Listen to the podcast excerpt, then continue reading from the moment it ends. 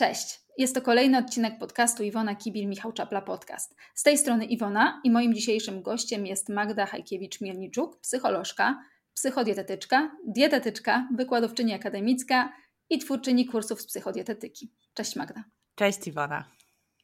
Magda, ty podobnie jak ja masz e, wieloletnie doświadczenie w pracy jako dietetyczka i my obserwujemy też od lat, jak e, zmienia się postrzeganie i naszego zawodu, jak zmienia się rynek, e, co nam dają też social media w tym kierunku, ale też jak zmienia się podejście pacjenta do zmiany nawyków żywieniowych i pracy z nawykami żywieniowymi.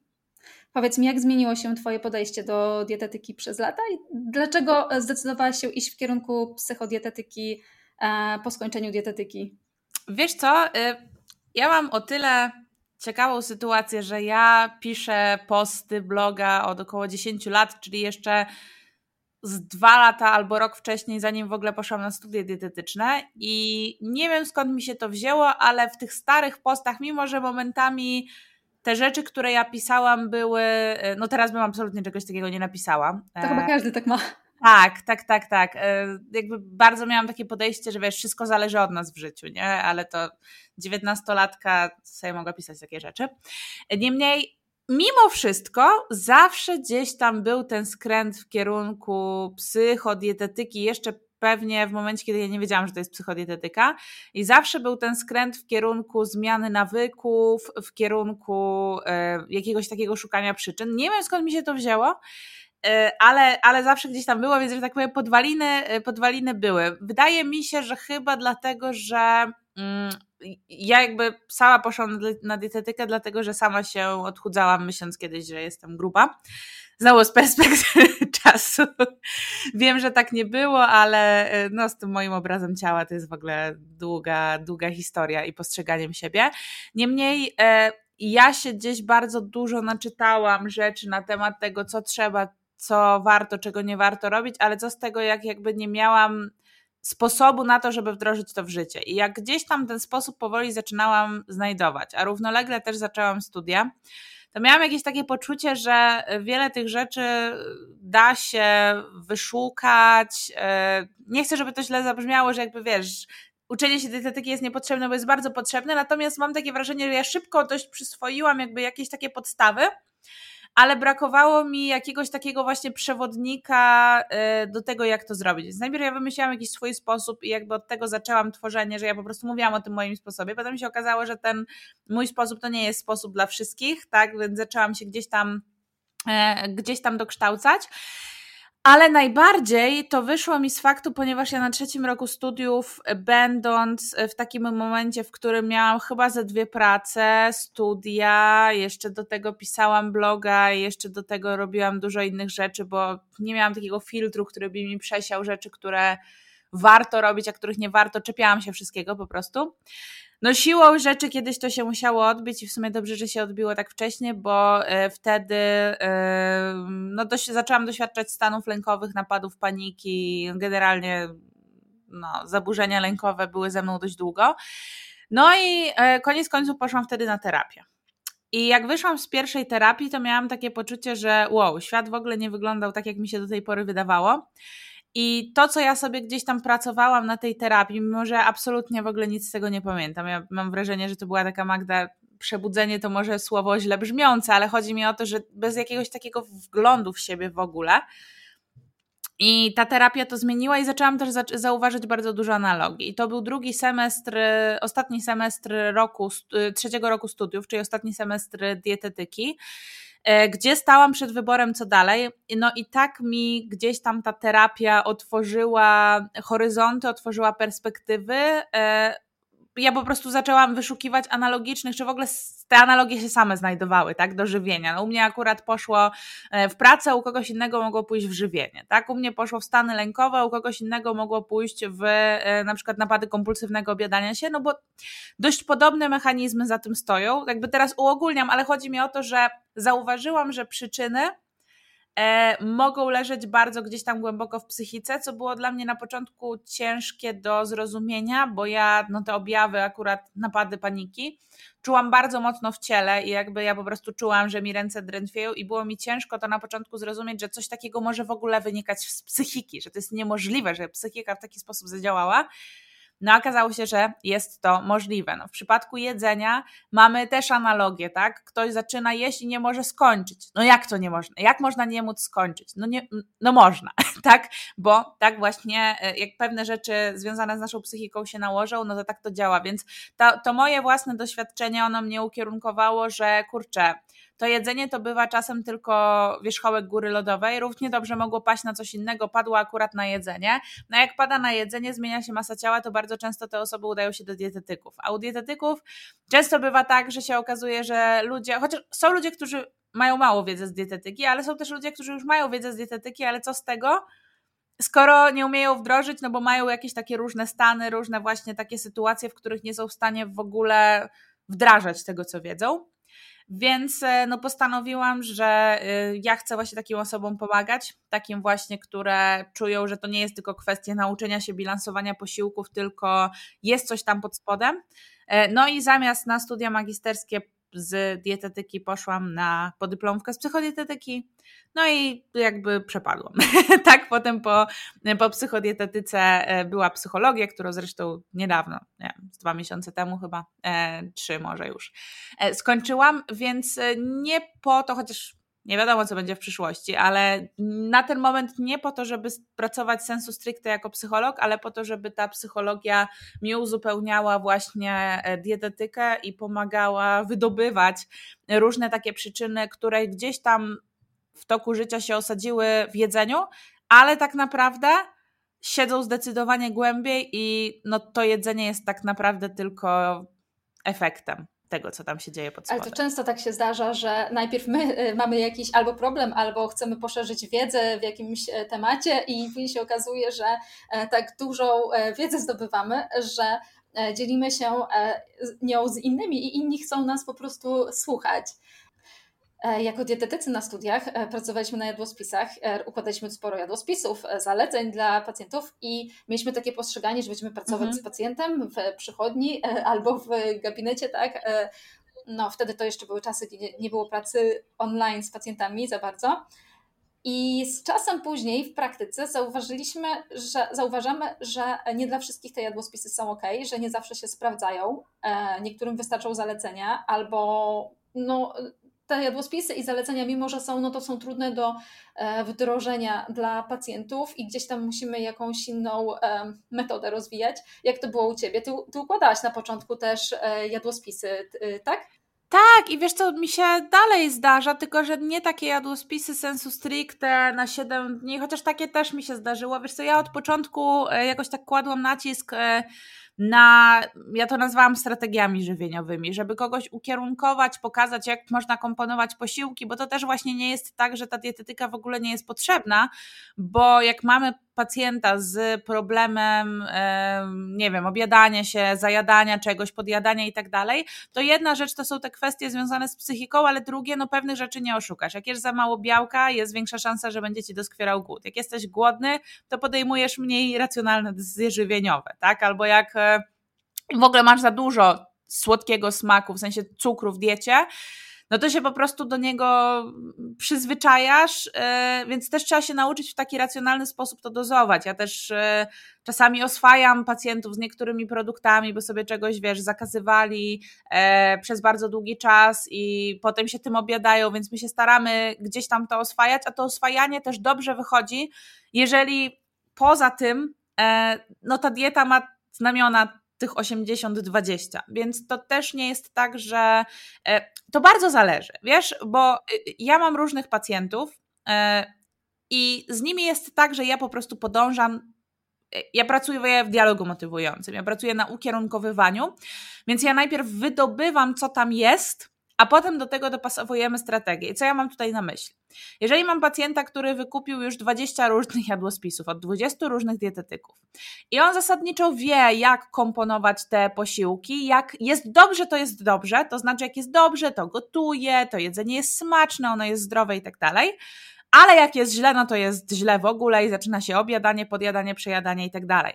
I u takich osób dużo większą wartość zazwyczaj ma praca już nie na jadłospisie, tylko my się umawiamy, przeglądamy te jadłospisy, my patrzymy co tam jest, patrzymy co się sprawdzało, wybieramy z tego, układamy jakąś taką strategię, ale nie na zasadzie, że ja coś układam, tylko rozmawiamy o tych jadłospisach, tak? Pacjent mówi, co mu tam smakowało, co nie smakowało, co się sprawdza i tak dalej, ale nasza praca jest już na takim poziomie bardziej psychodietetycznym, czy też psychologicznym, to znaczy my się skupiamy na tych yy, sytuacjach utraty kontroli nad jedzeniem rozkładamy je na czynniki pierwsze, sprawdzamy, co tam siedzi pod spodem, szukamy rozwiązań, testujemy różne rozwiązania i tak dalej, i tak. Ale są też pacjenci, którzy nie mają tej podstawy i na przykład u nich e, no, dużą pomocą jest właśnie dorzucenie takiej strategii, jakiegoś takiego drogowskazu. Ja to nazywam drogowskazem, bo moje strategie bardzo często wyglądają tak, że jest, nie wiem, posiłek owsianka, i tam masz proporcje produktów, proporcje składnika białkowego, węglowodanowego, tłuszczowego, na przykład, tak, bo to też zależy od preferencji. Tak. I zamienniki plus propozycje, co z tego można zrobić. Zdarzało mi się też układać takie jadłospisy sensu stricte, e, w sensie na konkretne dni, ale to też bardzo często wychodzi z ukierunkowania, bo ja się pytam pacjenta, jakiego rodzaju pomoc mu byłaby e, potrzebna i jakby to nie jest tak, że w sensie ja ukierunkowuję. Ja mówię, z czym się wiąże jadłospis, z czym się wiąże strategia, z czym się wiąże to. Potem my to, no bo każda z tych metod ma swoje plusy i minusy, więc my to potem zderzamy z potrzebami pacjenta, z tym, na jakim on jest etapie, nad czym chce pracować, no bo też to myślę ważna rzecz, nie wiem, jak nas słuchają dietetycy, że my nie jesteśmy w stanie zrobić wszystkiego od razu. My musimy podzielić, albo wręcz nawet nigdy nie zrobimy wszystkiego, czasami, no, zwłaszcza nawet początkujący dietetycy mają to do siebie, że przychodzi pacjent i mamy takie poczucie, że musimy go zbawić, wyprowadzić na prostą, a czasami może być tak, że my zrobimy dwie rzeczy i dla pacjenta to będzie wystarczająco, i no my nie przekonamy nieprzekonanych, nie zmienimy kogoś, jak ktoś się nie chce zmienić, więc po prostu gdzieś tam to jest szukanie priorytetów. Także to nie jest tak. Fakt, że rzadziej teraz układam, bo jednak więcej osób już jakby w momencie, kiedy do mnie przychodzą, to wiedzą, po co przychodzą, no to wynika z faktu, że no zazwyczaj mnie znają. Jakby do mnie nie trafia nikt z ulicy jako do psychodietetyka, tylko już raczej są to osoby, które chcą współpracować konkretnie ze mną, więc one wiedzą, czym ja się zajmuję i one wiedzą też, mówię, bardzo często mają bogatą przeszłość, e, jeśli chodzi o jadłospisy, o wiedzę na temat żywienia, ale chcą popracować nad tymi konkretnymi problemami związanymi na przykład, nie wiem, z zajadaniem, przejadaniem, objadaniem i tak dalej ale y, wciąż te strategie, nawet ostatnio gdzieś po bardzo długim czasie, po prostu jak się odkopałam do tych strategii, ja też, znaczy ja lub, lubię i nie lubię, lubię efekt, ale y, mi to zajmuje bardzo dużo czasu, ze względu na to, że y, jestem, znaczy, no, z ADHD to wynika. Ja robię dużo błędów i muszę to potem kilka razy sprawdzać. A nie chcę wysłać czegoś, co będzie z błędami, co jest myślę zrozumiałe tak, więc zajmuje mi to więcej czasu, bo ja sobie lubię, ja lubię dziergać, wiesz, ja nawet jak mam, wiadomo, że mam masę tabelek porobionych, powyliczanych i tak dalej, ale ja sobie lubię dziergać i jeszcze sprawdzać, czy to na pewno i tak dalej, i tak dalej, więc to mi dużo, tak, dużo czasu mi to zajmuje, nie przepadam za tym, że mi dużo czasu to zajmuje, ale lubię efekt końcowy. To ja tylko jeszcze dodam od siebie, że mam podobne podejście do tych jadłospisów jak, e, jak ty. Dodam od siebie, że cały ten wywiad żywieniowy, tego czego się uczyliśmy na studiach, to po prostu ten cały, ten cały wywiad e, no, zajmuje mnóstwo czasu podczas konsultacji, a większość pytań nie jest z tego potrzebnych w ogóle. Możesz to mailem to... dosłać nawet, jak żeby ci ktoś się na spokojnie zastanowił. Tak, że mogą wysłać mailem, ale, ale wiesz, też ogólnie jest tak, że mhm. większość tych pytań nie jest do końca potrzebnych, natomiast e, dobrze jest te pytania rozwijać później podczas konsultacji i po prostu e, dopytywać się o różne rzeczy pacjenta, bo on i zapomina e, podczas wypełniania wywiadu coś tam dopisać, ale też my potrzebujemy czegoś więcej się dowiedzieć o tym pacjencie, tak? I bardzo często też mówię pacjentom, że nie ma sensu, żeby kupowali 14-dniowy jadłospis. Lepiej jest po prostu ten siedmiodniowy i podstawiać sobie właśnie te produkty i modyfikować, tak jak ty to zresztą robisz, niż e, kupować miesięczny, który nie wniesie za dużo, tak. bo potem i tak będziemy poszukiwać dalszych strategii, bo to nam nie będzie działać, będziemy poszukiwać czegoś dalej. No i właśnie tutaj przechodząc do kolejnego pytania, jak pracować, to jest w ogóle trudne, jak pracować z osobami, które przychodzą do dietetyka i opowiadają, że już byli u 10 dietetyków i różne diety stosowali um, i co chwilę coś zmieniali. Widzimy, że nie będzie łatwo, bo ten pacjent co mhm. w 3 miesiące chce obrać inną strategię. Mhm. Mm, często są to pacjenci, którzy gdzieś tam śledzą różne kanały w social mediach i co chwilę gdzieś tam próbują skoczyć do, y, na inny mhm. styl odżywiania. Wiesz co, ja od razu powiem, że cokolwiek bym nie odpowiedziała, to zadziała na część pacjentów, a nie dla, na wszystkich, bo zawsze jak się nam trafiają tego rodzaju pacjenci, to nie ma jakby stuprocentowo y, szansy, że każdy się zmieni. O tak, może pod tym kątem. Więc y, co, co my możemy zrobić, bo u części pacjentów, no, no właśnie, bo to może wynikać z bardzo różnych rzeczy. Niektórzy po prostu tak mają, tak będą mieć i to nie wynika z żadnego niczego głębszego, po prostu taki jest człowiek i tyle. Natomiast ja bym tutaj polecała trochę po nitce do kłębka. To znaczy, ja w ogóle, jeszcze tak nawiązując do tego, co wcześniej powiedziałaś, y, ja y, kieruję studiami z psychodietetyki. I śmieję się, mówię to na początku i mówię to na końcu, że trochę jest tak, że na tych studiach będziecie się oduczać bardzo wielu rzeczy, których uczyliście się na dietetyce, co jest smutne, bo ja bym wolała, żeby nie trzeba było niczego oduczać, tylko żeby od razu na dietetyce było to uczone, ale to przede wszystkim ten nawyk, którego się oduczamy na psychodietetyce, a którego niestety często się uczymy na dietetyce, to jest nawyk mówienia, a nie słuchania i nawyk radzenia, a nie pytania. I jak my zaczynamy z pacjentem rozmawiać, pogłębiać, nie my, on nam nie mówi, wie pani co, bo ja jestem non-stop głodna. I my nie wyskakujemy, to proszę zrobić to, to, to i to.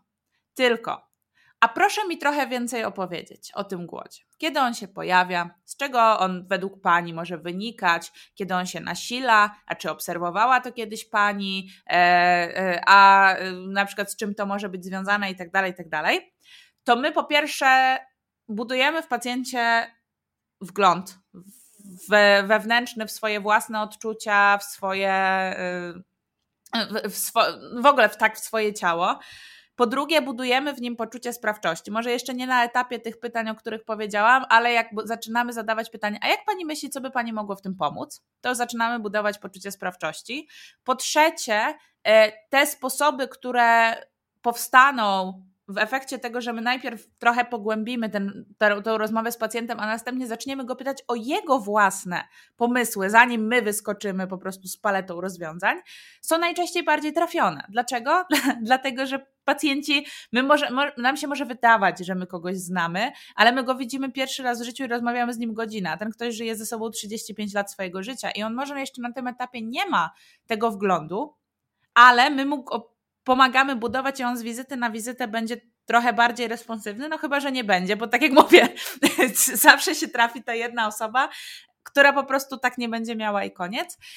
Y, po czwarte, to jest trochę tak, że my się nauczy, musimy oduczyć takiego poczucia, że my jesteśmy dobrymi dietetykami wtedy, kiedy my po prostu wyskakujemy z palety rozwiązań i na każdy problem mamy odpowiedź, bo to nas nie czyni dobrymi dietetykami. To znaczy, my musimy mieć tą wiedzę, bo zawsze na każdym etapie może paść odpowiedź, wie pani co, ja nie wiem, co ja mam zrobić. I my możemy trochę po to pogłębić, pacjent dalej nie wie, więc wtedy my przedstawiamy kilka rozwiązań, które w naszej ocenie mają największą szansę się sprawdzić ale zostawiamy pacjentowi wybór albo prosimy, żeby pacjent się wypowiedział o każdym z nich, żeby właśnie gdzieś tam ta interakcja zaszła.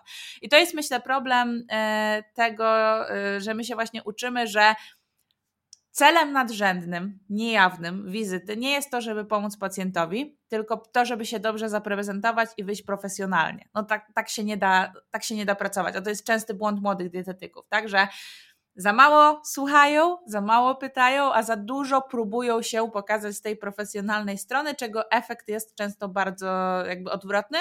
No bo właśnie, my zasypiemy pacjenta rozwiązaniami i zaczniemy grać w grę tak, ale. Nie? Ktoś mówi, no bo ja jestem cały czas głodna. No to może pani musi bardziej regularnie gotować. No tak, ale to trzeba mieć na to czas. No ale przecież y, ja mogę ułożyć taki jadłospis, w którym gotowanie tych posiłków wcale nie będzie zajmowało tyle czasu. No tak, ale już miałam tyle tych jadłospisów i wszyscy mi to samo mówili, zawsze było to samo. No ale to może y, pani, y, nie wiem, by przygotowywała kilka posiłków, na przykład dwa posiłki pod rząd, y, żeby były takie same. No tak, ale co jak mi będzie nie smakowało? Jakby ta rozmowa tak, donika. Ale wiesz co, przepraszam, że ci no. przerwę. E, to faktycznie może, może to być taki błąd na początku e, drogi dietetyków. Nie wiem do końca, czym to może być też spowodowane, że może po prostu chcą pokazać e, więcej. Naszym e, tak. poczuciem własnej wartości. Z czasem, tak, tak przynajmniej mi się wydaje, że z czasem po prostu inaczej na to patrzymy, ale to, co mi przyszło do głowy, że pacjenci przychodzą właśnie już z taką wiedzą, że e, znaczy z taką wiedzą, którą na, ten, na dany moment, kiedy przychodzą, uważają, że, e, że to jest ich e, przyczyna problemu, tak? Że na przykład tak. ja wiem, że muszę jeść pięć razy dziennie. Ja wiem, że po 18 nie powinnam, nie powinnam jeść. Ja wiem, bo już ta dietetyczka mi powiedziała, ja już byłem na takiej diecie, na takiej, tutaj na Instagramie to, tam na mhm. Facebooku i na YouTubie to i tak dalej. Ja wiem, ale ja nie wiem, co z tym zrobić. No i właśnie problem jest taki, że oni właśnie są zasypywani tymi informacjami, co powinni zrobić, ale nie szukają tego, tej odpowiedzi w sobie, co jest dla nich, e, dla nich jest najlepszym rozwiązaniem.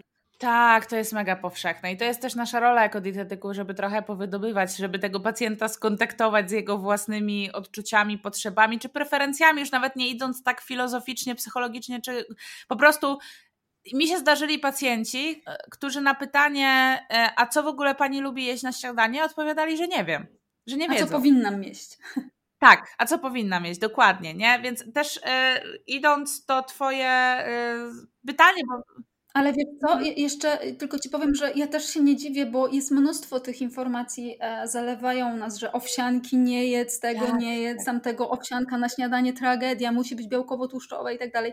Pacjenci są e, po prostu zdezorientowani, tak. więc oni przychodzą do dietetyka i oni na początku oczekują, że dietetyk im mhm. powie, co zrobić. Tak, i to jest znowu coś, e, co będziemy, co jest trudne, bo... Mamy coś takiego jak jedzenie zewnętrzne, czy w ogóle taką zewnątrz sterowność, która jest bardzo charakterystyczna dla moich pacjentów, czyli dla pacjentów psychodietetycznych, u których to się potem odbija właśnie w takim niekontrolowanym jedzeniu a mianowicie, że oni robią dużo rzeczy, jak ktoś im powie, czyli są sterowani tym właśnie, potrzebują czyjejś porady, czyjegoś, e, nie wiem, powiedzenie temu komuś, jak ma żyć. E, oni bardzo często postępują też jak inni dookoła, albo jak w ogóle widzą coś do jedzenia, to natychmiast, znaczy może nie natychmiast, ale po prostu to jedzą, bo to jest właśnie jedzenie zewnętrzne. Coś się dzieje dookoła mnie, więc ja temu ulegam.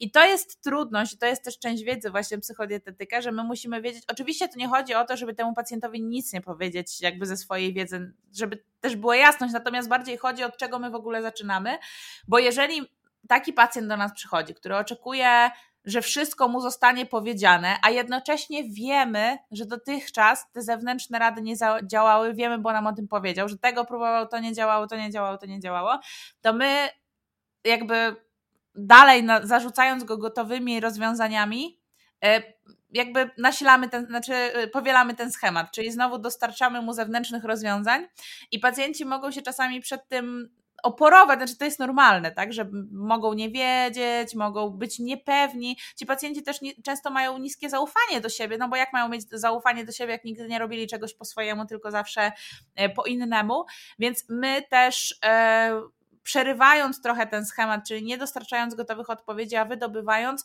budujemy w pacjencie coś, co jest niesamowicie istotne z punktu widzenia utrzymania długoterminowo masy ciała, a mianowicie ten, nie to jedzenie zewnętrzne, tylko ta wewnątrz sterowność, tak, żeby dana osoba sama nauczyła się obserwować, wyciągać wnioski, podejmować decyzje, aktywnie rozwiązywać, aktywnie rozwiązywać problemy. Czyli to taki coaching, ja wiem, że w Polsce się to słowo źle kojarzy, ale można to tak nazwać chyba.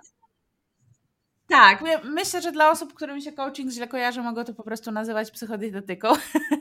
No ale tak, no, na, na, narzędzia no, w psychologii też wydobywamy, tak? W psychoterapii też wydobywamy. Jakby wiadomo, że te procesy wchodzą w głębiej, ale no właśnie. Chodzi też o to, żeby trochę nie wspierać tego schematu, który już aktualnie pacjent ma i który mu nie służy. I mówię tutaj e, o czymś takim jak taka, taka zewnątrz sterowność albo jedzenie zewnętrzne, może bardziej też psychodie- e, czy w ogóle dietetykom znane Czyli jedzenie w odpowiedzi na bodźce zewnętrzne. Jak ktoś coś robi, to my robimy to samo. Jak leży y, ciastko, to my zaczynamy myśleć o tym ciastku i w efekcie je, jemy, ale też takie osoby, które właśnie szukają jakiejś takiej mody i, i dopytują nas o różne mody żywieniowe, no bardzo często to wynika z tego, że one po prostu mają niskie zaufanie do siebie. Pytanie, jak mają mieć zaufanie do siebie, skoro zawsze robiły albo często robiły coś, co, co było dostarczane z zewnątrz. I teraz w momencie, kiedy my y, podążamy, zmieniamy, znaczy ja nie mam nic przeciwko temu, ja, ja zawsze zresztą mówię pacjentom, że pierwsza rzecz, którą my będziemy robić, to jest testowanie. My na podstawie rozmowy, wywiadu, wybieramy jakąś taką ścieżkę, która w naszej ocenie ma największą szansę się sprawdzić, natomiast wiadomo, że czas zweryfikuje i zobaczymy, czy to jest najlepsze. Ale ja myślę, że to może być fajna rada.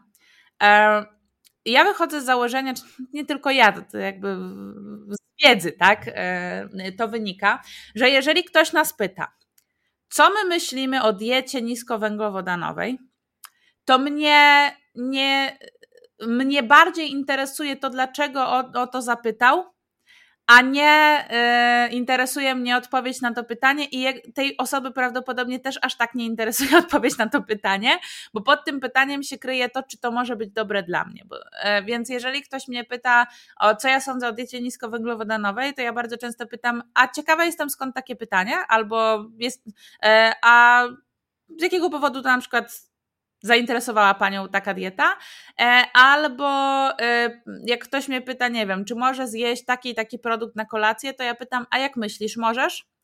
Po to, żeby nie wzmacniać tego schematu jedzenia zewnętrznego, czy też takiej zewnątrz sterowności, że jak ty mi powiesz, że ja mogę, to zjem, a jak mi nie powiesz, że nie mogę, to nie zjem, bo to się potem odbija na przykład w napadach kompulsywnego obiadania się, już nie wchodząc w szczegóły, w mechanizmy, bo to na oddzielny podcast by było, ale e, to jedzenie zewnętrzne, czy ta zewnątrz sterowność jakby jest powiązana z takimi niekontrolowanymi zachowaniami żywieniowymi, natomiast jak wiemy, co wpływa na przykład na długoterminowo e, na utrzymanie masy ciała, no to jest ta kontrola wewnętrzna, tak? Czyli w naszym interesie, w interesie przede wszystkim naszych pacjentów jest to, żeby się oni uczyli z tej kontroli zewnętrznej przechodzić na tą wewnątrz sterowność, więc no my mając tą wiedzę właśnie jako dietetycy, jako psychodietetycy, ważne, wa, warto, żebyśmy to, żebyśmy to wspierali, więc bardzo często jak ktoś mnie pyta o jakieś tam różne mody, albo przychodzi, nie wiem, na konsultację i zaczyna od tego, że ostatnio to czytał i odkrył i w ogóle co ja o tym sądzę, to ja bardziej kieruję rozmowę w kierunku, dlaczego to daną osobę w ogóle zainteresowało, co ona o tym myśli i jakby dlaczego, dlaczego skoro miałyśmy inną strategię, ona użyła tej. I to ja zamiast słowa dlaczego w ogóle bardzo często używam z jakiego powodu, bo dlaczego bywa takie pretensjonalne, ja nie chcę, żeby to zostało źle zrozumiane, bo to też nie chodzi o to, że My wiemy najlepiej, ustalamy coś z pacjentem, pacjent przychodzi z czymś nowym, a my jesteśmy jak taki rodzic, a co ty znowu wymyślasz, tak? No bo to nie jest współpraca rodzica i dziecka, tylko to jest współpraca dwóch dorosłych osób i tamta osoba ma prawo też w tym coś zobaczyć i może się okazać, że w ogóle ona miała w tej kwestii rację, więc bardziej chodzi o prowadzenie tak tej rozmowy, żeby poznać powody, co pod tym siedzi. Czy pod tym siedzi to, że dana, dla danej osoby jest coś za trudne? Czy pod tym siedzi to, że dana osoba nie wierzy w siebie i na przykład co chwilę wymyśla coś nowego, żeby tylko nie wyszło, że... Yy, żeby pewne przekonania po prostu nie wyszły na wierzch. Tak? To są rzeczy nieświadome, więc ja w pracy z takimi osobami, które gdzieś tam przeskakują, bardzo duży nacisk stawiam na to, żeby się dowiedzieć, z czego to wynika, jakie są przyczyny tego, że ją co chwilę coś nowego interesuje, jak ona to widzi, e, co ona widzi w tym pomocnego, a na przykład które z tych rzeczy już kiedyś próbowała i nie zadziałały, więc bardzo to pogłębiam. No i tutaj wychodzi, tak? Tutaj wychodzi, bardzo wiele rzeczy wychodzi i wiele rzeczy można z tego e, dalej, e, dalej poprowadzić. A, a kiedy jest e, ten moment, kiedy dietetyk musi podjąć, podjąć decyzję, że mm, wysyła pacjenta do innego specjalisty albo zakończy, albo kończy współpracę, mhm. bo po prostu ta współpraca no, nie jest efektywna. Wiesz co, ja myślę, że istotą sprawy jest to, żeby przekazać danej osobie to tak jak ja miałam takie sytuacje, że istotą zmiany jest to, żeby coś zmieniać. I teraz, jeżeli my się umawiamy na coś, że dana osoba coś zmieni, a ona tego nie zmienia, i mamy wszelką pewność, że to nie dlatego, że te zmiany są zbyt trudne, bo ona nam o tym mówi, że to jest możliwe, ale w międzyczasie się rozprasza i czegoś innego. Ja wychodzę z takiego założenia, że y, to nie jest osobiste i to jest myślę też dobre, y, zwłaszcza właśnie młodzi dietetycy, żeby nie traktowali tego osobiście, tylko ja wychodzę z założenia, że tak, ta osoba mi płaci. Ja y, Minęło kilka konsultacji. Ja mam poczucie, że wykorzystałam już arsenał swojej wiedzy, swoich narzędzi I teraz, jeżeli to tej osobie nie pomogło, z różnych powodów, to nie chodzi, czy to jest moja wina, czy jej wina, nie chodzi o szukanie winnego, ale ja widzę, że po prostu moje metody na tą osobą nie działają, to ja takiej osobie komunikuję, że tak albo, no nie wiem, Możemy się jeszcze temu chwilę poprzyglądać, ale y, ja też nie chcę tworzyć takiego złudzenia pacjentom, że oni płacąc i przychodząc do mnie, że im się samo coś zmieni, jak oni nic nie zmieniają, więc ja to po prostu w taki sposób komunikuję, że mm, zrobiliśmy, robię podsumowanie, tak? Z czym dana osoba przyszła, jakie wnioski wyciągnęliśmy, czego próbowaliśmy, próbowaliśmy tego, próbowaliśmy tak, próbowaliśmy tak, tak, tak i tak. A mimo wszystko widzimy, że coś się tutaj nie zmienia. I teraz bardzo często tutaj widać przyczynę. W sensie ja miałam jedną taką pacjentkę, gdzie po prostu no historia rodzinna, yy, różne jakieś problemy, trudności. Ja od samego początku, ja w ogóle powiedziałam, że z tą pacjentką nie rozpocznę współpracy, jeżeli ona nie podejmie terapii. Więc ona mi powiedziała, że jest na terapii, ale nie poinformowała mnie, że po dwóch naszych spotkaniach ona z tej terapii zrezygnowała, więc trochę jest trochę było tak, że ona przenosiła na nasze spotkanie to, co się w zasadzie powinno robić na terapii. Ja jej w pewnym momencie powiedziałam, że jej nie chcę dawać złudzenia, że praca ze mną nad tymi trudnościami przyniesie efekt, jeżeli ona wpierw tego nie, nie, nie przepracuje.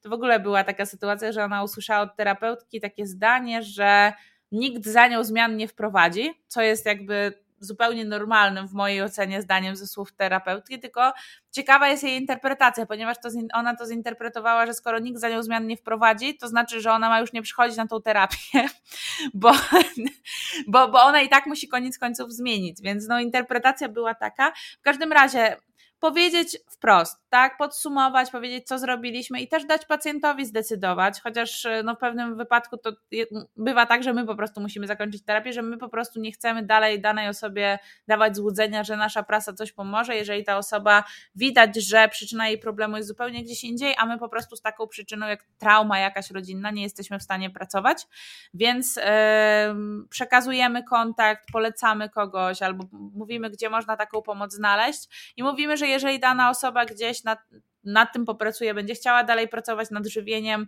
to zapraszamy. E, myślę, że nie ma jednej rady, jak to zrobić, jak to powiedzieć, bo wydaje mi się, że zawsze pierwszy taki pacjent będzie dla nas, ile byśmy wiedzy nie mieli na temat tego, jak kończyć współpracę, jak przekazywać takie informacje zwrotne pacjentowi. Myślę, że i tak tego pierwszego pacjenta, z którym się tak wydarzy, bardzo mocno przeżyjemy. I, i, i te, tego się chyba nie da uniknąć, bo to wiedza wiedzą, ale jakby tutaj też wchodzą w kwestie nasze emocje, nasze odczucia i tak dalej, więc jest to trudne, ale myślę, że no to widać po prostu, że my cały arsenał wyczerpaliśmy, tej osobie to nie pomaga, więc szkoda jej czasu, szkoda pieniędzy, szkoda też naszego czasu, żebyśmy ciągnęli coś, co po prostu nie działa. To, co mówisz, jest szczególnie ważne dla początkujących dietetyków, no bo wtedy też e, jest taki taka większa potrzeba pomocy e, i utrzymania pacjenta. Natomiast gdzieś tam my musimy przyznać, e, że no, nie jesteśmy w stanie podjąć jakiejś współpracy i po prostu wysłać kogoś do innego mhm. specjalisty. Nie wiem, czy ty też tak masz, pewnie tak, e, ale ja też tak miałam, że e, zdarzało mi się wysyłać, że przerywać po prostu współpracę e, i wysyłać pacjentów na terapię, wysyłać do innego specjalisty i, i po prostu informować, że, żeby wrócili, jak będą gotowi. Tak. Tak. No i pacjenci wracają po latach czasem, po latach czasem wracają z nawet podziękowaniem, że, że to było dobre, bo, bo ktoś im powiedział, że, no, że po prostu nie mogą zrobić wszystkiego na raz i że muszą coś innego najpierw przepracować, a potem mogą zająć się e, dietą. Tak, tak, tak, tak. Też, te, też tak miałam, też wróciła, zresztą ta jedna pacjentka, o której mówiłam, też do mnie kiedyś wróciła z informacją zwrotną. E, nie będę mówić jaką, ale właśnie w kontekście gdzieś tam rzeczy, które odkryła, nie, powiedzmy, więc, więc ta historia jej się koniec końców dobrze potoczyła, ale właśnie no, jakby nie ma się co oszukiwać. Jej przyczyna nie leżała w ogóle w kwestiach związanych z żywieniem, to było coś dużo głębszego, no i yy, tak też jest etycznie, nie? żeby czyichś zasobów nie, yy, kiedy my widzimy, że to nie idzie w tą stronę, w którą powinno iść, no to też jest po prostu etyczne, żebyśmy tej osobie nie dawali jakichś większych złudzeń. Z jakimi przekonaniami przychodzą pacjenci do ciebie albo z jakimiś mitami, które gdzieś tam nie wiem, utarły się i ty wiesz, że widzisz to ciągle, że to się na tyle utarło, że ciągle powtarzane są te same schematy, na przykład, nie wiem, że niektóre produkty są tuczące albo żeby owoców nie jeść, albo nie jeść owoców wieczorem, inne tego, tego tego typu rzeczy. Wiesz co, ja w ogóle głębiej pomyślałam, bo ja to mam takie historie, jak do mnie, mam taki kurs e, jeden taki wiodący, jak tam dołączają osoby, jak zaczynają pisać swoje historie,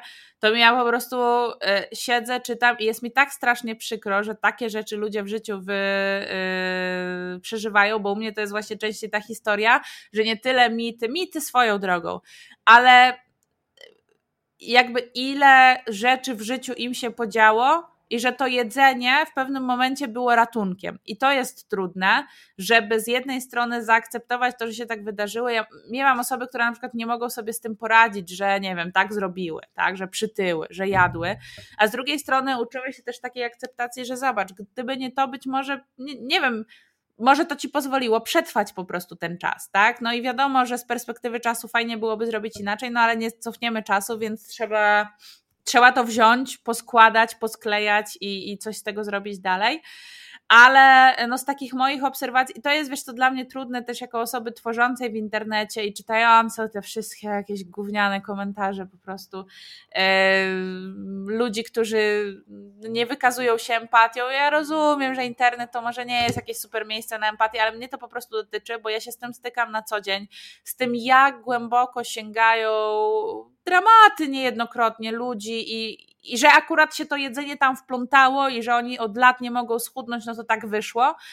Ale że to jest rzecz tak naprawdę, wiesz, do budowania jakiejś równowagi życiowej, do nauczenia się asertywności, do ułożenia niejednokrotnie odcięcia się od jakichś relacji i tak dalej, i tak dalej, albo wielu rzeczy trudnych, które te osoby przeżyły i akurat tak się złożyło, że nie wiem, ta kochająca babcia jedyna w tej rodzinie akurat piekła ciasta i my od tych ciast po prostu, wiesz, człowiek jest dorosły i dalej je te ciasta, bo mu dają ukojenie, miłość i akceptację, no to, to są mega trudne rzeczy, mnie chyba też dlatego tak bardzo y, wkurzają, nie? Ja znalazłam na nie sposób, żeby gdzieś tam z tymi komentarzami pracować, też budować taką wyrozumiałość wśród ludzi wzajemnie, bo my nie musimy rozumieć, ale ważne, żebyśmy chociaż komuś nie dowalili jeszcze, bo nie wiemy nigdy, z czym ten człowiek się mierzy.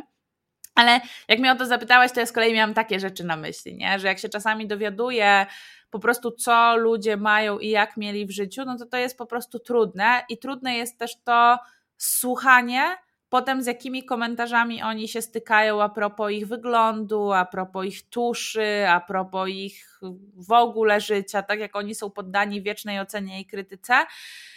Ale z drugiej strony fajnie się obserwuje, jak się, jak się uczą sobie z tym radzić, nie? jak się buduje tą odporność, odporność psychiczną, a zatem też idzie większa ilość energii, zasobów.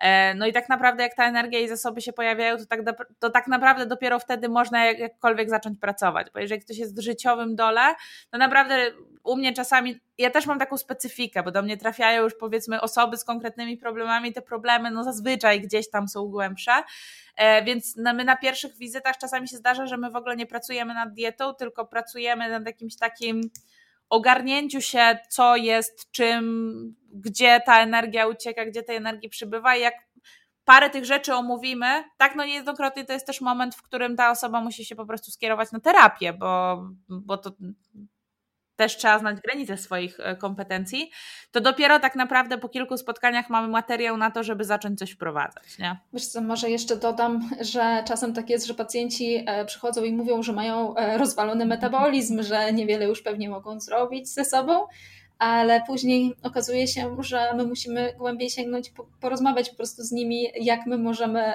co my możemy zrobić w ich życiu, jaką my możemy przestrzeń dać na przygotowywanie tak. posiłków, na um, całe te e, na ogarnianie powiedzmy tak, całych tych posiłków, bo tu nie chodzi o metabolizm, tylko po prostu o to, że brakuje nam energii i zasobów na to, żeby e, coś zmieniać. No i też my widzimy, pracując z pacjentami, że czasem nie mówią nam prawdy, że e, coś zmienili w diecie, że założyli sobie, że coś zmienią, a, a, a tego nie zmienili. I tutaj też kwestia tego, żeby szczerze rozmawiać z dietetykiem, bo bo my jesteśmy od tego, żeby pomagać. Tak. I jeżeli e, jakieś zmiany nie są, nie są wprowadzone, to, to po prostu warto szukać przyczyny, co, co mogło pójść nie tak i, jak my możemy do tego inaczej podejść, bo czasem tak jest, że e, trzeba wszystko robić jeszcze wolniej, albo właśnie tych zasobów szukać e, więcej w, w swoim życiu. I ty też w social mediach często mówisz o zasobach.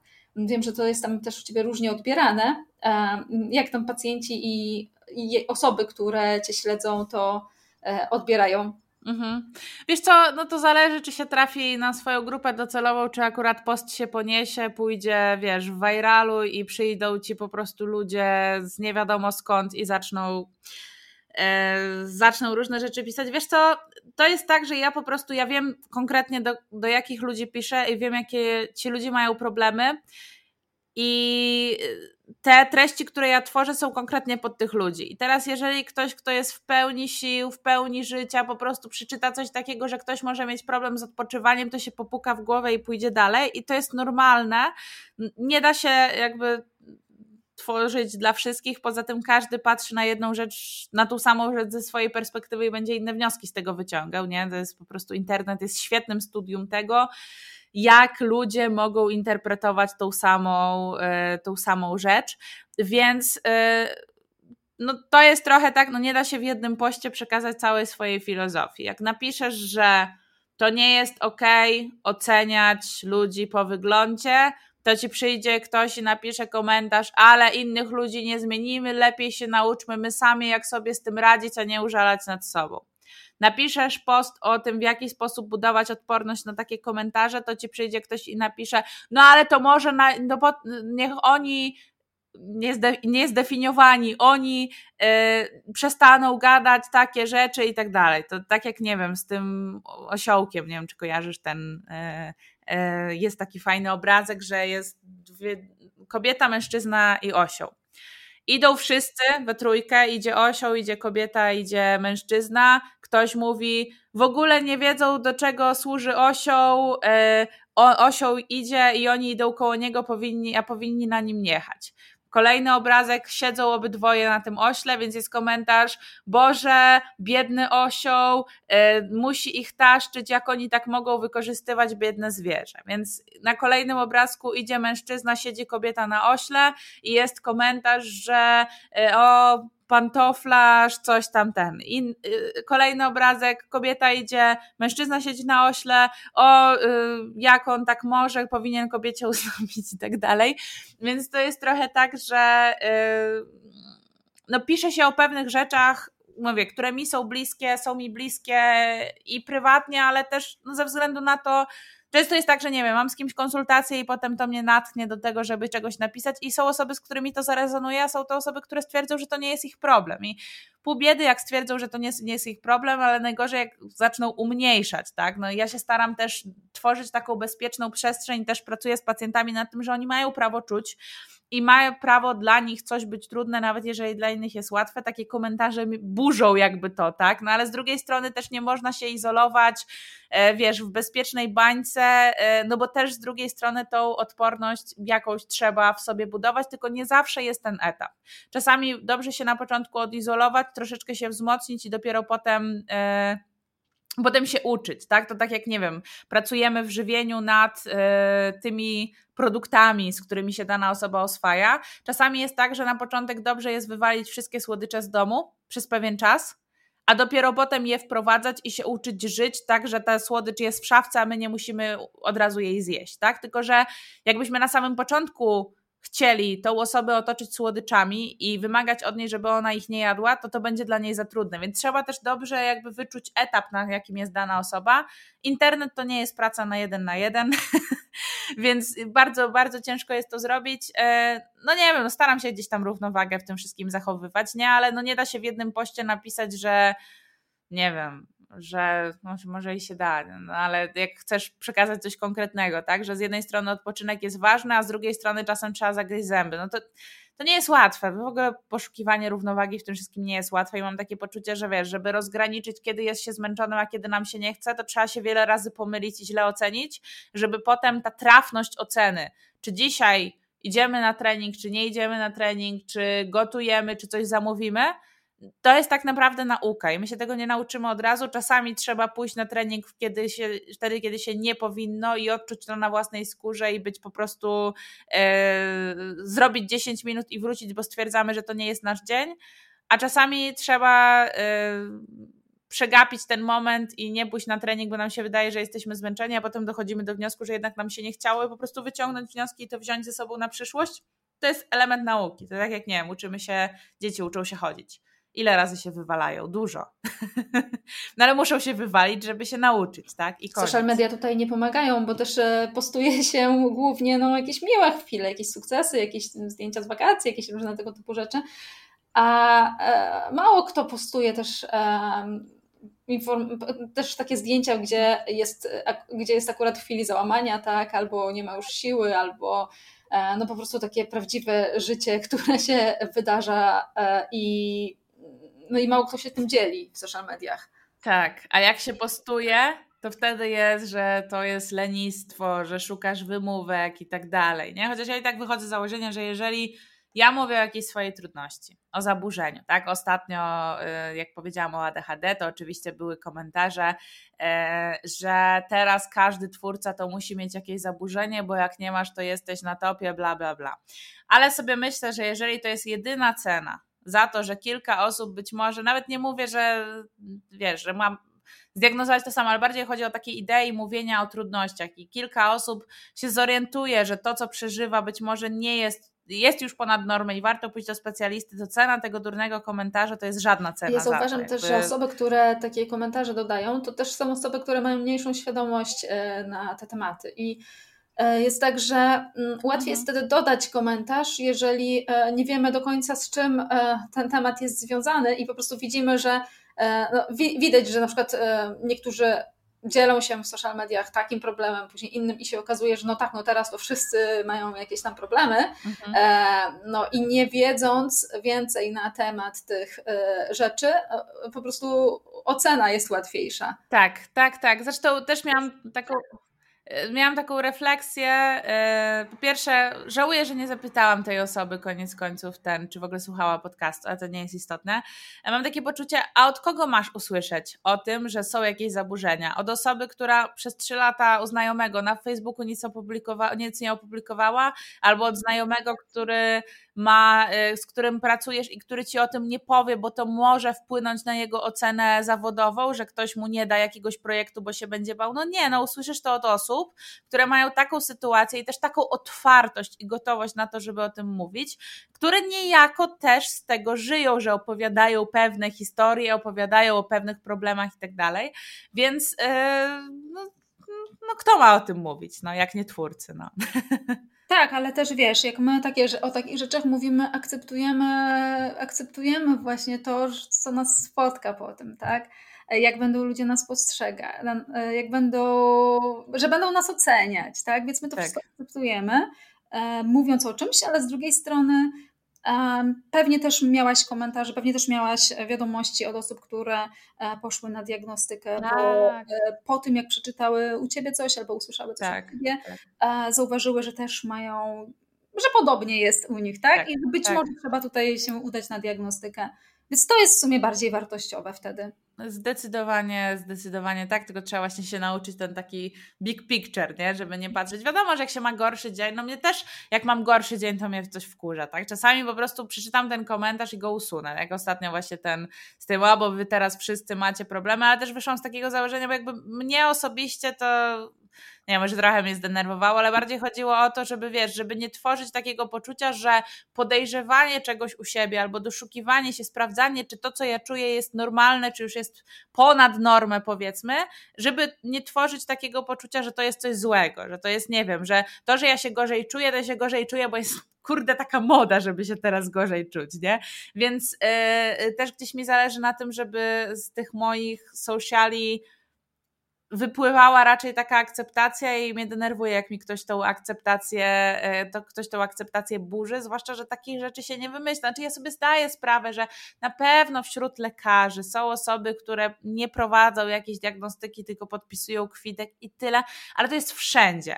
i, i to jest margines. I myślę, że to jakby wyciąganie wniosków na, yy, na podstawie tego na cały ogół no jest po prostu nie fair. Więc sobie zdaję sprawę, że pewnie ktoś kiedyś mógł się znaleźć taką osobą, która wcale nie ma jakiegoś zaburzenia, lekarz jej to stwierdził. Ale z drugiej strony, kim my jesteśmy, żeby wydać taką ocenę, że ten lekarz to go na pewno źle zdiagnozował? No, ludzie. Magda, może podpowiesz coś dla naszych słuchaczy, którzy nie są dietetykami i gdzieś tam mają wrażenie, że zatrzymali się w miejscu, na przykład jak się odchudzają, no to mają cały czas ten efekt jojo, albo gdzieś tam mają pasmo niepowodzeń i, e, mhm. no i gdzieś tam trudno jest im podjąć e, znowu działanie. Aha. Wiesz co, dwie rzeczy. Nie wiem na jakim, właśnie to zależy od etapu, na, na jakim są dane osoby, ale pytanie, czy danej osobie bardziej brakuje wglądu, czy bardziej brakuje testowania. Może i jednego i drugiego, bo to są takie ścieżki bardzo, zazwyczaj na początku, którymi, którymi ja idę na przykład z pacjentami, czyli ścieżka wglądu. To znaczy, czy na przykład te wszystkie sposoby odchudzania, które ja do tej pory próbowałam, to są sposoby, które wynikały jakkolwiek chociaż w jednej dziesiątej z moich preferencji, czy to było wszystko to, co ja gdzieś tam wyczytałam, ktoś mi powiedział i ja to próbowałam i łudziłam się, że to na mnie zadziała. Więc zastanowiłabym się, czy tam jest ta ścieżka, yy, to ziarno refleksji, bo bardzo często jest tak, że my wiemy, z czym mamy problem, że na przykład, nie wiem, nie chudniemy, bo się za mało ruszamy. Ale zamiast szukać sposobu, jak my się możemy więcej ruszać, to wymyślamy kolejną dietę, bo może nie, może to wcale nie jest mój problem. Więc gdzieś tam w głębi każdy z nas raczej wie mniej więcej. Nie chodzi mi, że dokładnie, ale mniej więcej zna kierunek. Więc czasami to jest problemem, że my łykamy wszystko to, co jest dookoła, a nie przepuszczamy tego przez filtr. Czy to w ogóle do mnie pasuje? Czy to ma mnie co, sens? do tej aktywności no. wracając, to też jest tak, że łatwiej jest e, przyjąć jakąś aktywność, którą inni polecają, albo gdzieś tam widzimy tę aktywność e, tak. E, w różnych miejscach, że pacjenci na przykład widzą, że aha, no ktoś tam biega, to może ja też zacznę biegać, ktoś tam, ktoś inny poleca coś w social mediach, tak. albo też jak pacjenci się odchudzają, no to już jest taka myśl, no dobra, no to odchudzanie to znaczy, że trzeba się udać też na siłownię i tak jakby też e, zapomina się o tym, że ta aktywność ma również sprawiać przyjemność. Mhm. I e, częściej łatwiej jest po prostu porzucić jakąś aktywność, która tej przyjemności nie sprawia i zmuszamy się do niej, więc gdzieś tam e, ludzie starają się tą aktywność, do tej aktywności dopasować, zamiast wybrać tą tak. aktywność, która tak naprawdę też im by bardziej pasowała. Zdecydowanie. Zdecydowanie, czyli myślę, że taki nadać priorytet swoim własnym odczuciom, albo w ogóle w hierarchii gdzieś tam podnieść ważność swoich własnych odczuć, żeby zacząć jakkolwiek słuchać siebie, ale może być też tak, że my po prostu za mało próbujemy, bo yy, znaczy jakby potencjalnych przyczyn mogą być setki innych, ale mówię o takich częstych, z którymi ja się spotykam, że czasami albo musimy dać szansę jednej rzeczy trochę dłużej, i trochę mniej osobiście przyjmować to, że nam nie wychodzi, bo czasami jest tak, że ktoś, nie wiem, idzie biegać, raz mu się nie podoba i mógłby spróbować jeszcze raz, ale wychodzi z założenia, że aj, ale on to jest beznadziejny, nie ma silnej woli i tak mu nie wyjdzie, czyli jakby gdzieś tam ten brak prób wynika z tego, że my nie wierzymy w siebie, że możemy coś zmienić, to też jest dla nas informacja. Ale czasami jest tak, że no nie wiem, ktoś mówi, że nie lubi aktywności fizycznej. Nie, to mi się kilka już takich osób zdarzyło. Ja mówię, a czego dokładnie w tej aktywności fizycznej nie lubisz, nie? No na przykład tego, że trzeba jeździć, gdzieś się przebierać i tak dalej, i tak dalej. A jakie aktywności w ogóle próbowałeś, nie? W życiu? No, że aktywność, no to dla mnie siłownia, okej. Okay. A jakbyś miała pomyśleć, w ogóle na chwilę zapomnieć o tym, o kaloriach, o tym, co spala najwięcej i tak dalej, to co ci przychodzi na myśl jakąś taką aktywność, którą możesz być w stanie zaakceptować? No ja na przykład bardzo lubię spacerować, nie? I jakby więc idziemy za tym, no dobra, no to a jak możesz zrobić, żeby na przykład tych spacerów było więcej? I nagle się okazuje, że osoba, która mówi, że nie lubi aktywności fizycznej, tak naprawdę całą aktywność fizyczną tak jakby rozumie jako jedną daną jednostkę aktywności. I jak my nie wyskakujemy od razu z rozwiązaniem, tylko zaczynamy gdzieś tam to pogłębiać, no to się okazuje, że właśnie trochę wglądu w siebie, ale trochę też testowania różnych innych e, rzeczy. Czasami jest tak, że trzeba, nie wiem, 10 aktywności różnych spróbować i do każdej zrobić co najmniej trzy podejścia, bo znam takie historie osób, które nie biegały, myślały, że nie lubią biegać. Pierwsze bieganie beznadziejne, drugie bieganie beznadziejne. Na trzecim bieganiu wpadła im taka playlista i w ogóle takim się świat otworzył i takiego nagle olśnienia dostały, że za tym trzecim razem akurat się okazało, że to było ich, więc ja też e, zachęcam do tego, żeby testować. E, testować, poszukiwać, wyciągać wnioski, e, brać mniej rzeczy jakoś super mocno osobiście, że to na pewno z nami jest coś nie tak, bo bardzo często po prostu mogliśmy w życiu jeszcze nie trafić na coś, co nam się podoba i to nie znaczy, że z nami jest coś nie tak, tylko no, tak się akurat potoczyło, że nie wiem, nasi rodzice nie zabierali nas co tydzień na inną aktywność, tylko nie mieliśmy z tą aktywnością styczności w ogóle i ja musimy bym szukać. od więc... siebie, że tak, e, panuje to przekonanie, że ktoś ma słomiany zapał, że dobra, to już kupiłaś buty biegania, to biegaj, e, masz ten strój, buty, e, biegaj. Tak. Już teraz nie myśl o żadnej innej aktywności, tak? Że nie próbuj tego. Albo to w ogóle takie poczucie winy budowania, nie? Że ja tyle pracowałam, kupiłam ci te buty, a ty taka niewdzięczna. Ale też nie? kolejna rzecz, e, w przypadku tych sportów, gdzie masz trenerów, też to, na jakiego trenera trafisz, czy się z tym trenerem dogadujesz, też będzie miało później znaczenie, czy jak bardzo będzie Ci się podobać e, ta współpraca. Tak samo jak zresztą nauczyciele w szkole, tak? E, I nasze ulubione przedmioty szkolne. Duże znaczenie tutaj ma. Więc po prostu trzeba próbować tak. znaleźć coś dla siebie. Tak. Zdecydowanie się z tym zgadzam i też e, odwołując się tutaj myślę i do moich, do Twoich doświadczeń, że nie skupiać się na tym, że jak znajdziemy aktywność, to to musi być ta aktywność po grobową deskę. Mi się na przykład co pół roku zmienia. Mam nadzieję, że mi się Mniej nie więcej. zmieni. Teraz końcu, po tylu latach znalazłam taką aktywność, która pozwala mi i jednocześnie być bardzo zmęczona, e, nauczyć się wielu e, ciekawych rzeczy, e, znaczy i poprawić kondycję, tak? Ale też, że mogę się cały czas ruszać, że mnie nie nudzi. Tak. Zgadzam się. Z Tobą też mam tak, że mam nadzieję, że mi się rolki nie znudzą. Eee, no, bo, ale to też jest właśnie pod, z mojej perspektywy o tyle ciekawe, że wiesz, nie jest tak, że robisz coś w miejscu, tylko cały czas gdzieś jedziesz, coś zwiedzasz i tak dalej, więc właśnie właśnie czasami są takie osoby jak my, że my potrzebujemy dużo bodźców i na przykład jeżeli taki ktoś jak my zmuszałby się do biegania, znaczy mi się bieganie podoba raz na kilka lat. Ja mam takie fazy, nie? Miałam taką fazę, przebiegłam chyba z dwa pół maratony, bieganie było super, po czym z dnia na dzień mi się zmieniło, że nagle nie lubię biegania i też myślę, że yy, jest to dobre, znaczy trzeba się nauczyć to akceptować, nie? Bo po prostu tak mamy i niektórzy będą to nazywać słomianym zapałem i niech sobie nazywają, ale to nie ma żadnego znaczenia, bo ta rada nas nie wspiera, tak? Mnie wsparła ta rada, żeby przestać traktować aktywność fizyczną jako jednostki treningowe i musieć odhaczyć jak największą ilość jednostek treningowych. Mnie e, bardzo dużo nauczyło to, jak kiedyś miałam takie, chodziłam takie zajęcia z movementu i tam właśnie o takiej trochę filozofii ruchu, że nasze ciała zostały stworzone do ruchu, ale nasze ciała nie zostały stworzone do tego, żeby wykonywać plan treningowy, tylko my potrzebowaliśmy ruchu do tego, żeby żyć. Teraz już nie potrzebujemy ruchu do tego, żeby żyć, przynajmniej w sensie, żeby żyć krótko, nie można sobie krótko przeżyć nie wychodząc z domu, nie ma problemu żadnego, e, ale e, no, chodzi o to, żeby jednak te ciała były w ruchu, żeby te ciała rozwijać i dopiero taka filozofia mi pomogła się odkleić od tego, że jak ja zaczęłam coś, to ja to muszę skończyć. Nie muszę, mogę sobie zmienić i mogę do, po trzech latach do tego wrócić, bo kto mi zabroni. No właśnie. Pogodziłam się, że nie będę mistrzynią w żadnej, e, w żadnej dyscyplinie, bo mi się po prostu te dyscypliny zbyt szybko nudzą, żeby dojść do jakiegoś wyższego poziomu i to jest ok, bo moim celem jest to, żeby po prostu być sprawną, aktywną, e, żeby mnie plecy nie bolały. A tyle. wiesz co, w ogóle e, jedna rzecz jeszcze mi przyszła, może taka podsumowująca do głowy. to, co powiedziałaś, że zgodziłaś się z tym, że nie będziesz mistrzynią tak, w żadnej dyscyplinie.